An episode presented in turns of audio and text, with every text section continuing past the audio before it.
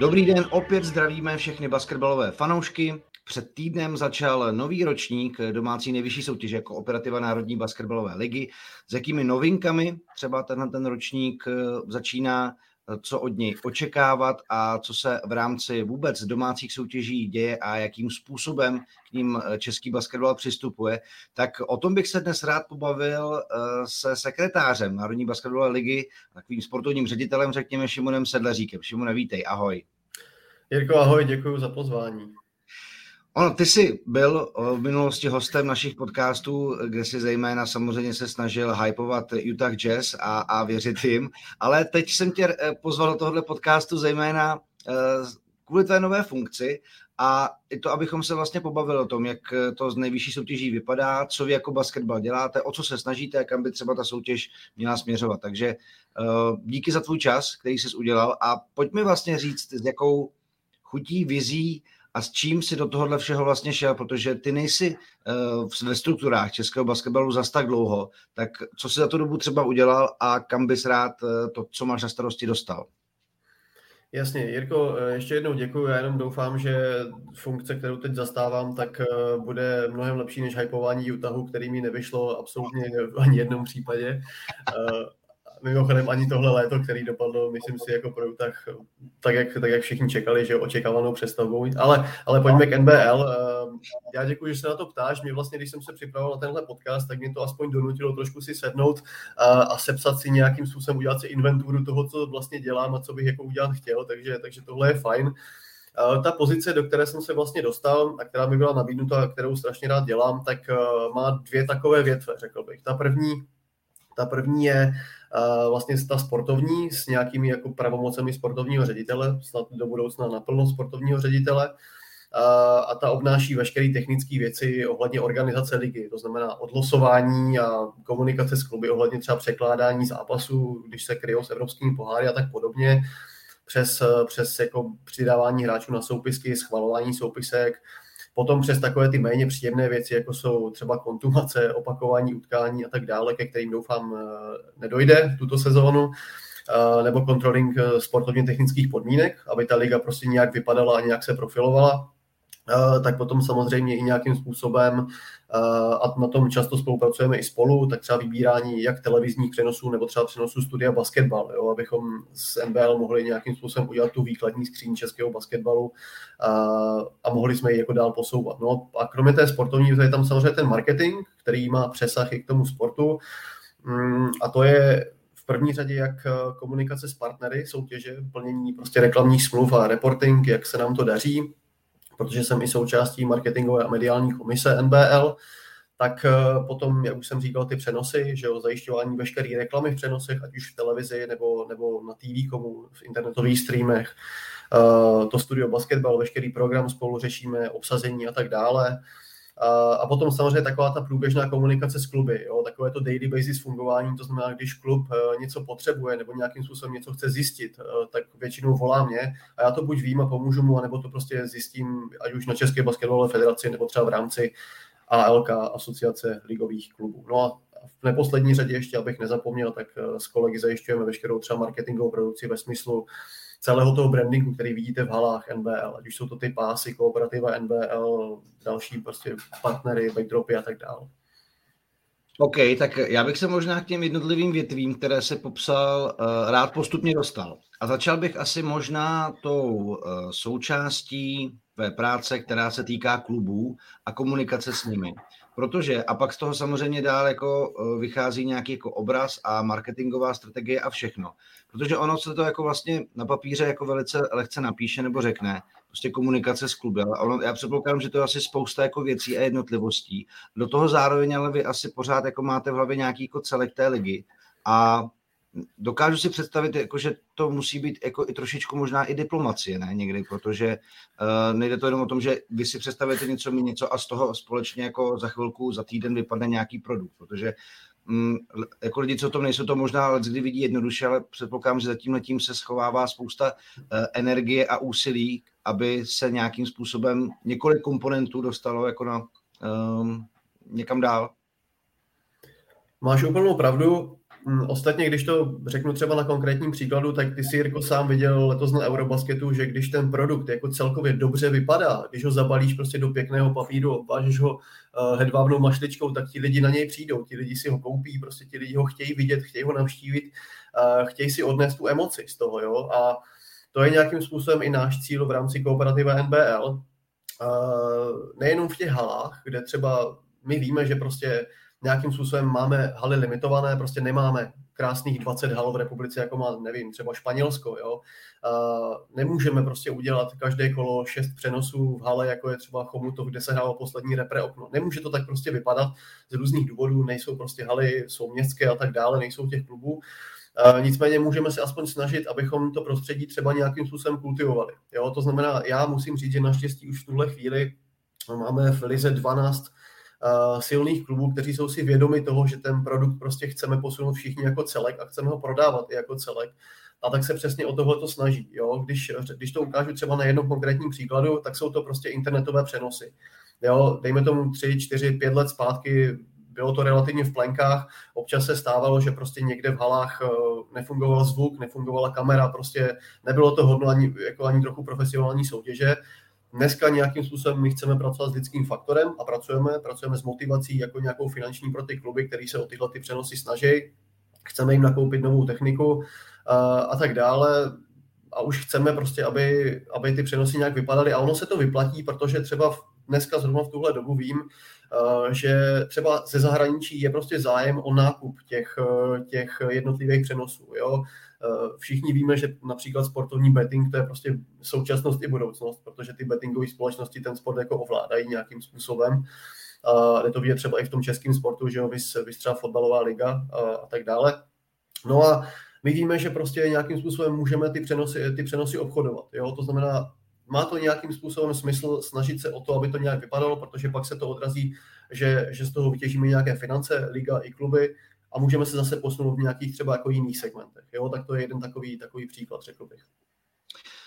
Co fanoušci? Jak pracujete s nimi, nebo jakou máte strategii práce s fanoušky? Eh, kluby mají, že jo, prostě svoje mm, nějaké srdcaře, basketbal má také fanoušky, ale prostě mm, pořád je to, je to jako určitý jako nějaký segment. Tak jestli soustředíte se na ty, co jsou už jako skalní, anebo to chcete rozšířit dál v rámci toho, jak se basketbal v posledních letech samozřejmě trošičku víc do povědomí dostal, i díky samozřejmě reprezentačním úspěchům.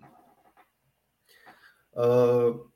Mně se líbilo, byl jsem, byl jsem předvčerem na konferenci Sport Alive 2022, která byla naprosto skvělá, a kde třeba Jirka Velš, konkrétně ve tvým bloku, mluvil o tom, že když to zase vztáhnu na nějaký jako náš vzor, jo, je to NBA, je to samozřejmě je to náš vzor, je to i naše prokletí, ale ten mluvil o tom, že v NBA eh, fanoušek eh, nebere to NBA prostě jako sport, ale on ji bere víceméně jako, jako něco, kde jde za nějakou emocí, za nějakým prožitkem. Jo? To znamená, on ho ve své podstatě průměrného fanouška nezajímá, jestli tam přijde a Bradley byl dá 15 bodů nebo 20 prostě, nebo jestli, uh, jestli já nevím, Zion Williamson zasmečuje třikrát nebo pětkrát. Ho zajímá ta emoce, kterou si z toho zápasu odnese a to chceme nějakým způsobem dělat i my. Jo? Pracujeme s kluby uh, třeba na tom, uh, před sezónou byla, jsme pořádali pro kluby marketingový workshop, kde jsme pracovali jednak třeba s tím, jak má vypadat ten přenos, jak už jsem o tom mluvil, ale pak třeba i o tom, abychom na zápasy přilákali třeba i trošku mladší publikum, protože jak si říkal, kluby mají svoje fankluby, kde už jsou třeba lidi, kteří tam chodí jako dlouhá léta, že ho bubnujou a je to skvělý, vy třeba Opava, která má obrovskou základnu fanoušků, nebo Děčín. Nicméně my tam chceme přilákat i mladší lidi. A teď se mi to povedlo zjistit takový jako docela pěkný příklad. Uh, Nimburg má nového hráče, američana, je to Nate Watson, kterého vlastně na sociální síti TikTok sleduje zhruba 1,2 milionu fanoušků. Jo, Nimburg před sezónou hrál přípravný zápas v Litomyšli a David si tam udělal takový prostě průzkum mezi zhruba 100 dětma a zjistil, hele, Eurobasket, těšíte se na to, nebo prostě půjdete tam eh, z těch 100 dětí, jenom čtyři věděli, že si nějaký Eurobasket hraje, i přes tu velkou propagaci, ale na ten zápas přišli jenom proto, že před zápasem zjistili, že ten, ten ten hráč, který vlastně je na tom TikToku, má 1,2 milionu sledujících. Pro ně to byla obrovská celebrita, protože mladší publikum na TikToku je pochopitelně a chtěli ho vidět, chtěli se s ním vyfotit jenom proto, že na té síti je takhle úspěšný. Jo? Není to proto, že by tam smečoval nebo dribloval. Takže třeba tohle je jedna z věcí, eh, jak se dá pracovat s tím mladším publikem.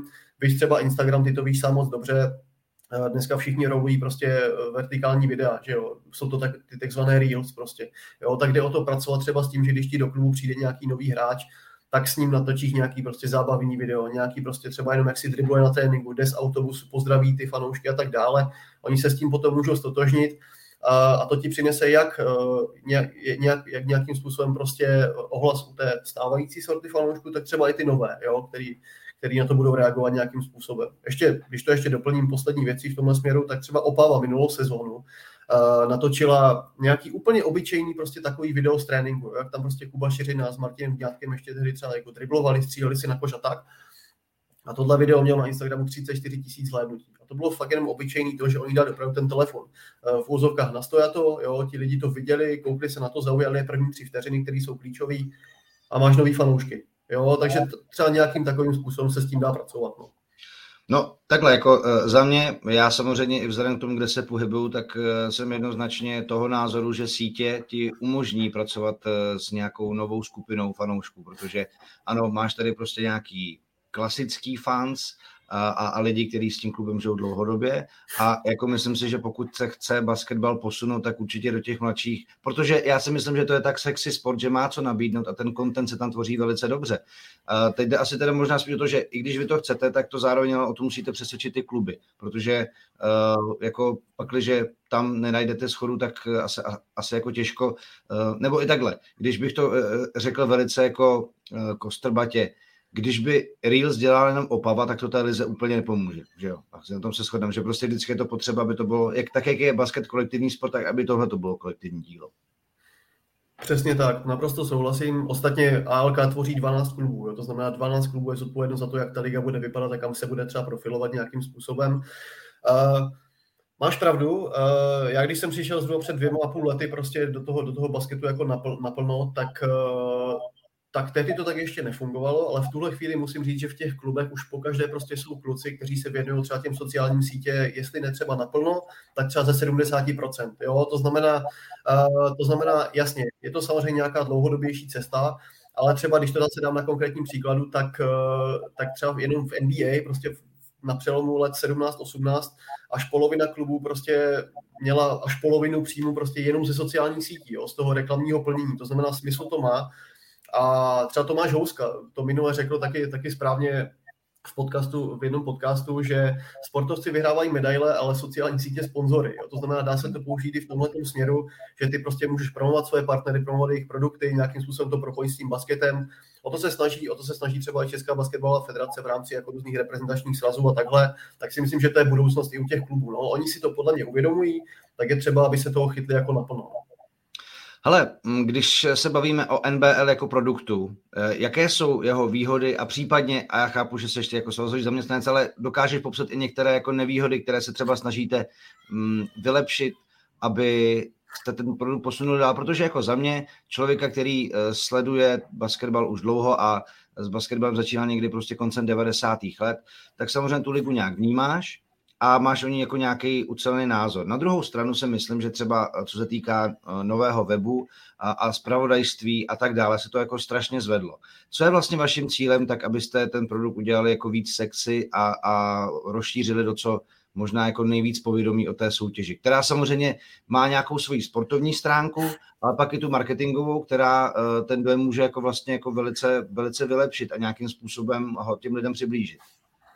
Jasně. Uh, no jeden, jeden jako z mých takových, uh, teď už neúplně tajných cílů, abych si strašně přál, aby se nám to podařilo, tak je prostě zvýšení nějaké mediální visibility, jo, celkově, celkově nejenom, basket, nejenom jako NBL, ale celkově basketbalu u nás.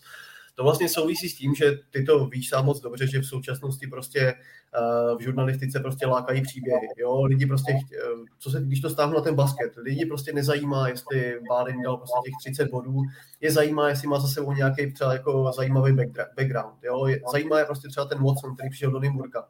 Minulou sezónu hrál v Nymbači uh, Goržok Gek, který prostě utíkal v mládí před válkou a jako měl neúplně veselý, ale přesto zajímavý background pro ty žurnalisty a je to o tom, jestli ty to dokážeš prodat nebo ne, protože ty kluby jako takové, my samozřejmě můžeme dát jako liga nějaké doporučení, vést je jako na seminářích a tak dále.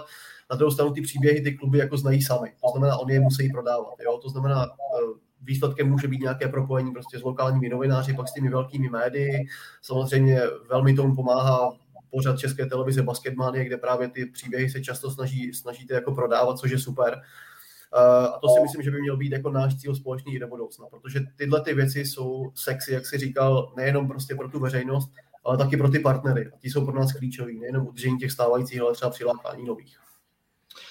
Tak eh, pojďme trošku zabrousit do té sportovní stránky. Eh, Liga nám začala, máme za sebou dvě kola, Děčín dvakrát vyhrál, USK dvakrát vyhrál, eh, rozjíždí se zajímavě. Ono samozřejmě po sportovní stránce, co si budeme povídat, jako průměrný sportovní, takový ten všeobecný sportovní fanoušek, samozřejmě ví, že Nymburk dlouhodobě vládne. A i to samozřejmě může být jeden z důvodů, proč se třeba té lize nevěnuje možná taková divácká pozornost, protože v úvozovkách všichni, všichni vědí, že jako ten mistr je jasný. Na druhou stranu loňská sezona ukázala, že by to tak nemuselo být. Opava udělala velký kus práce a bylo to i naše velké téma vlastně prvním studiu basketbal s Michalem Ježdíkem, kde jsme se bavili, jak moc je to pro ligu vlastně dobře, že ten silný konkurent tady jako vyrostl. Tak teď, když si vezmeme ale tu sportovní stránku, tak eh, ta liga vlastně je ve své podstatě jako velice vyrovnaná v tom, že nemáš jako, máš, ano, máš jeden velice dominantní tým a pak nemáš jako nějakou jako první patro, druhé patro, střed a tak. Ale že vlastně, a ukázal to první kolo, kdy vlastně Ostrava porazila Pardubice, eh, kdy ty týmy vlastně můžou do nekonečna se navzájem překvapit, což je podle mě zase jako velice dobře. Jenom vlastně se na to snažím dívat jako pohledem toho diváka, který tohle to jako je vlastně fajn, ale jestli na tomhle tom se dá stavět, anebo jak s tím vlastně vy pracujete, s touhletou jako silovou, eh, s tím silovým rozložením a co to sportovně pro tu ligu vlastně znamená? Uh, no, uh, Takhle, já, já jsem se na konci minulé sezóny díval na finále volejbalové extraligy, kde vlastně Lovy Praha s Karlovarskem šli do pátého setu, pátého zápasu, jo, což prostě bylo naprosto neuvěřitelné. A jenom jsem si tiše přál, aby tohle jsme jednou zažili i v, i v naší soutěži, kde, jak si řekl, prostě už 18 let v řadě dominuje Nymburk. A tak to prostě je, jo. My s tím musíme pracovat. Víme, že to je nějakým způsobem prostě slabina té soutěže a pochopitelně, že zájem by byl větší, kdybychom měli 4-5 eh, jakoby výraznějších klubů, který by Nymburku dokázali konkurovat. Na druhou stranu, Včera jsem třeba koukal právě na, na večerní zápasy, ve třetí čtvrtině jsem sledoval jako live sport, jak jsou na tom ostatní výsledky a všechny tři zápasy, které se souběžně hrály, tak byly prostě do tří bodů. Jo, ta liga je jako nesmírně vyrovnaná. Minulý rok, když Opava měla v prvním kole na lopatě Nymburk a potom ho, a potom ho vlastně nejenom ve finále, ale hlavně ve finále Českého poháru dokázala jako srazit na ty kolena a porazit ho, a, tak a, v dalším kole potom po jedné takové víře jela, jela do Olomoucka a prohrála tam o 20. Jo. A, to je super, protože ta liga opravdu až, až, na tu, až na to první patro, jak říkáš ty, kde víceméně Nymburk opravdu dominuje, tak je super vyrovnaná. Včera, včera Slávě upřímně řečeno taky mě překvapila, jakým způsobem smázla Olomoucko, jo, který má letos ambice hrát playoff a tak dále. Takže já doufám, že tohle nějakým způsobem zůstane a že z nějakých týmů, jako je třeba Brno, který má dlouhodobě velké ambice, jak v evropských pohárech, tak třeba i v domácí soutěži, nebo třeba do budoucna právě ta Slávě, jo, případně ještě nějaký uh, v úvozovkách last dance opavského týmu, jo, který přece jenom tu, tu generaci, kterou má, tak uh, bude muset obměnit časem, tak třeba se povede jako v lize nějakým způsobem ten Nymburk, ten Nymburk srazit, jo, taky už to není taková dominace, jako to bývalo před lety, což jsme viděli třeba i v té finálové sérii. Hmm. Eh, ještě bych chtěl zmínit, že kromě té sportovní stránky mě strašně těšilo v loňské sezóně, že nám se v osmi halách eh, podařilo víc než jednou prostě přilákat víc než tisícovku diváků, což je super. Jo? Což znamená, že ten zájem prostě diváků je, roste eh, a to se musí jednoznačně odrazit i v té sportovní stránce, protože pokud máte za sebou prostě 1500 diváků v Brně, tak je jasný, že máte šanci porazit v podstatě kohokoliv. Jo? Takže to bych chtěl dlouho, dlouhodobě udržet a je dobře, že ty kluby s tím pracují. A teď v podstatě třeba, co chcete jako pro fanoušky vy, jako basketbal? Co, jak byste rádi, aby jaký produkt by viděli, co vám vlastně, o co vám nejvíc směrem k fanouškům jde? Uh, osobně bych chtěl, aby ten fanoušek, když přijde, když to vezmu jako ze dvou pohledů, online fanoušek a fanoušek v hale, tak když přijde ten fanoušek do haly, tak aby prostě o něho bylo dvě, dvě hodiny postaráno. Jo? Ve smyslu toho, že on opravdu dostane ten skvělý entertainment, který může dostat třeba i na repre, dostane dobrý sportovní výkon, třeba vyrovnaný zápas, dostane pěknou diváckou kulisu, dostane, dejme tomu, pěkný hudební doprovod, dostane prostě, já nevím, různý jako doprovodní efekty, což samozřejmě nejde v tuhle chvíli všude, ale takový je cíl a ukázali jsme to třeba i ve finále, jo, kde jsme ten entertainment udělali, vypadalo to pěkně a myslím si, že to jako lidi ocenili. No a co chci pro online fanouška, tak to už jsem, to už jsem trošku naznačil. Já chci, aby ten fanoušek mohl sledovat kvalitní přenosy, který se ne úplně třeba vyrovnají, ale budou se minimálně blížit televizní kvalitě časem. Jo, chci, aby, chci, aby prostě dostal kvalitní sportovní výkon, nemusel řešit, jestli ten hráč má na zádech na dresu sedmičku nebo čtrnáctku, aby to prostě dobře viděl, aby ty přenosy byly opravdu kvalitní a já věřím tomu, že se nám to podaří do budoucna. Máme dobře našlápnuto no, v tomhle směru minimálně. Já mám pocit, že jsi mi zmiňoval v naší komunikaci před tím natáčením, že se stala novinka v rámci nasazování přenosu eh, na naší online platformu ČT Sport Plus, je to tak? Přesně tak, no. Je, je to vlastně daný tak, že mm, děkuji za tu připomínku, mimochodem. Je to daný tak, že my máme nějakým způsobem eh, v české televizi 20 přenosů na sezonu, že jo, pak máme všechny zápasy přenášený na, na, na TV komu plus nějakých 15 specializovaných studií basketbal. A teď se podařilo v rámci užší spolupráce s českou televizí, za což jsem opravdu moc rád, eh, domluvit to, že právě ty právě ty přenosy na TV komu, který už někde opravdu se blíží jako té televizní kvalitě, tak uh, si bude stahovat váš server ČT Sport Plus s tím, že si prostě vezme ten zápas ideálně jeden z každého kola, což je super, protože to je obrovské navýšení basketu celkově jako na ČT Sport. Dosadí si k tomu své komentátory a, a pojede. Jo? To znamená, pro nás to je super, protože máme další prezentaci jakoby na české televizi, což chceme, zároveň s kvalitním obsazením, co se týče jako komentátorského nějakého dua nebo třeba jednoho komentátora.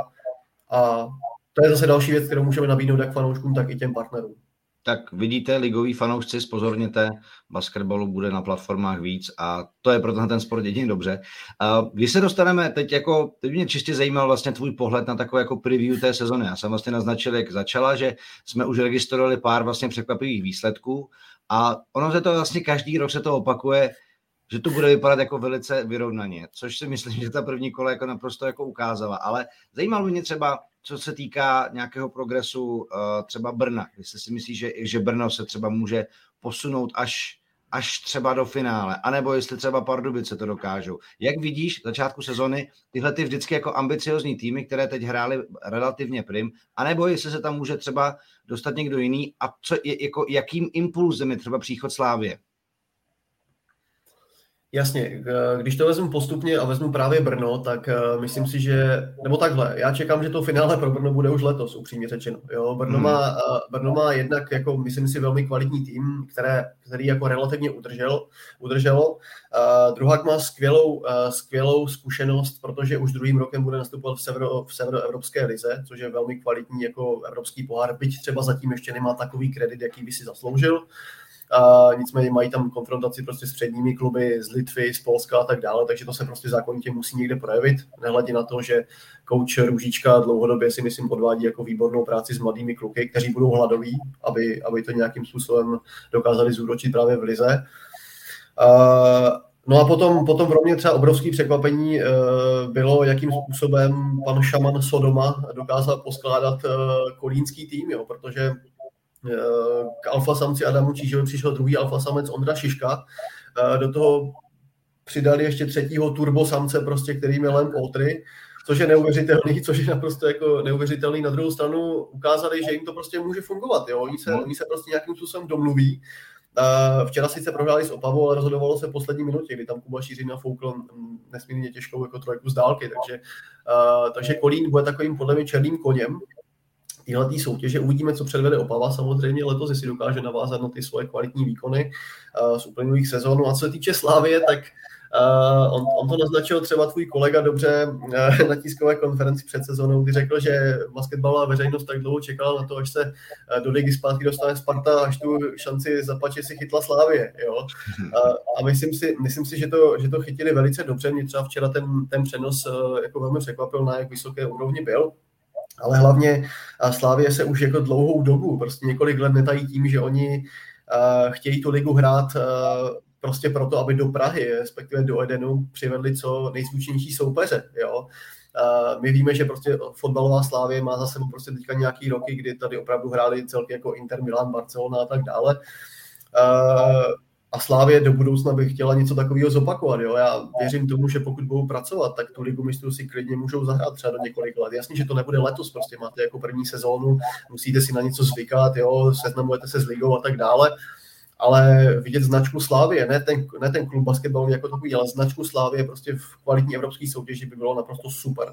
I pro naši soutěž. Takhle a na, na druhou stranu, jo, jako když už se bavíme o tom nasazování zápasů a času, tak uh, pojďme se jako zasnít, že kdyby skončil fotbalový zápas a, a kdyby jako Sláva jako jo zapušovala, tak eh, dostat pár stovek fanoušků na, na tribuny a udělat jako parádní uh, dvojblok fotbal, hokej, tak jako proč ne? Ale na druhou stranu, nevím, abych jako teď jako řekl absolutně reálně, uh, ten projekt, který, se kterým vlastně Pavel Pumprla vyrukoval a kam ho posunul, tak eh, to, co si vlastně zmínil, tak mi jako nepřijde úplně jako nemožné, protože se tam pracuje velice koncepčně a, a už po první výhře teď jako je vidět, že to jako třeba nemusí být jako úplně, úplně marné. Takže jako za mě Slávě rozhodně zajímavým prvkem uh, nové sezony. A jaká teda vlastně Šimo nebude? Co můžeme čekat podle tebe? Ať už jako ze strany organizace, bude se, nějaký, jako, bude se stále ten produkt leštit a posouvat a po straně sportovní. Já hned na to odpovím, jenom ještě doplním minulou otázku. Ona Slávě už nějakým způsobem, byť v ne úplně tak velké míře, ale nějakým způsobem s těmi fanoušky pracuje, protože třeba letos nějak uh, združuje prostě do jedné skupiny jak fanoušky basketu, tak i házené a myslím si, uh, to je futsal, futsalu a futsalu, jo? to znamená, oni chtějí tyhle ty lidi, aby aby eh, měli prostě to sobotní odpoledne takové, že budou na futsal, na basket, na házenou, prostě užijí si celý tenhle ten jako sportovní odpoledne i s tím párkem a s tím pivem a se vším všudy a chtějí tam vytvořit takovou tu komunitu, což je super mm. a myslím si, že pro ligu to je jedině dobře, protože my potřebujeme další silné fanouškovské jádro po, po Opavě, Děčínu, Pardubicích a, a dalších klubech. No a co se týče toho, jaká bude tato sezóna, já bych si v první řadě eh, přál, abychom se mohli soustředit pouze a jen na ty sportovní výkony a sportovní výsledky. Jo? Abychom tady už nemuseli řešit žádné prostě překládání zápasů, rušení zápasů kvůli prostě covidu a nemocem a tak dále. Apelovali jsme třeba proto i na kluby, aby měli soupisku dostatečně širokou na to, abychom zápasy mohli hrát a ideálně nestráceli prostě tu kvalitu, kterou, kterou mají. Uh, v řadě druhé bych, bych se vůbec nezlobil, pokud, bych se dočkal, pokud bychom se dočkali nějakého podobného překvapení Eh, jako loni v Českém poháru, co se týče Opavy, že jo? protože to byl, Opava to naprosto, naprosto výborně prodala potom i na svých kanálech u svých partnerů a tak dále, protože tohle ta liga přesně potřebuje. No a do třetíce bych si ještě přál, aby, abychom stále dokázali prostě posouvat samozřejmě i s tvým příčiněním uh, tu laťku sportovních přenosů, jo? ať už na tom TV komu ta studia basketbal, na který uh, jsem rád, že mám jako velmi, velmi pozitivní reakce. Uh, tak i ty zápasy na ČT komu. Chtěl bych, abychom uh, na, na ČT Sport, pardon, chtěl bych, abychom a abychom dokázali do televize dostat více upoutávek na basket, abychom prostě více lidí přitáhli k té české televizi, protože jako smysl to má. A teďka hlavně po Eurobasketu ten boom je a bude, třeba z Děčína uh, mi hlásili, že mají prostě mnohem více, uh, mnohem více dětí v náborech před sezónou, než třeba mývali v minulých letech, takže ten Eurobasket se někde prostě odrazil, tak abychom to dokázali uh, zužitkovat i jako nejvyšší mužská soutěž a podle mého názoru druhá největší výkladní skříň basketbalu jako v Česku po repre. No a e, jako já vlastně ten tvůj, mm, tu tvoji poznámku o těch e, mladých talentech a nadějích, kteří se, které se teď jako uh, možná k basketbalu dostávají, tak syn kolegy Ondry Zamazala se doma kreslí uh, dresy hráčů NBA, byl na Eurobasketu, od té doby nemluví o něčem jiném. Tohle je určitě šance a pokud si to vlastně basketbal bude uvědomovat, tak je, je, je skvělé, že zatím půjde a za těmi novými dušemi, že si je bude chtít pod sebe uh, stáhnout. Uh, za mě třeba jako moje neteř uh, miluje Tomáše Zatoranského a Eh, chtěla být taky na Eurobasketu a toho ani nehraje, ale prostě se do toho sportu zamilovala. A když jsme začali těmi emocemi, tak to je přesně to, eh, jak se nějaký vztah ke sportu vlastně vytvořit eh, dá. A když budu mít ještě poslední věc, kterou se vrátím k tomu, k tomu ligovému basketu a k tomu kolínu, tak jako za mě, jako dlouholetého basketbalového nějak jako novináře, by samozřejmě bylo úplně, úplně nejvíc super, kdyby kolín měl třeba trošičku lepší halu, do které by se televizní přenosy jenom hrnuly a v ten basket, který tam se hraje výborný, to samozřejmě si řekněme, jako já jsem tam zažil spoustu skvělých zápasů, ale bohužel se koukám jenom jako do těch skel a do, na ty ripstole, tak eh, to by byl posun, který by podle mě jako přesně jako byl v duchu toho, pojďme to jako trošku posunout. Ale já chápu, že ta situace je složitá, jenom jako to říkám jako věc, kterou asi všichni basketbaloví fanoušci vědí a předpokládám, že asi i vy tušíte, že tam by se samozřejmě mohlo, mohlo jako posunout to trošičku dál, že jo?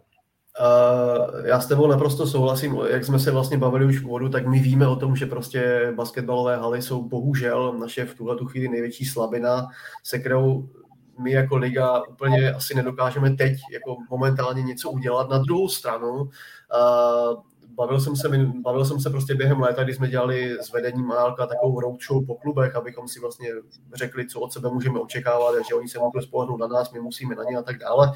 A, tak a, jsou tam prostě signály, že nový haly by jako určitě mohly vzniknout v brzké době.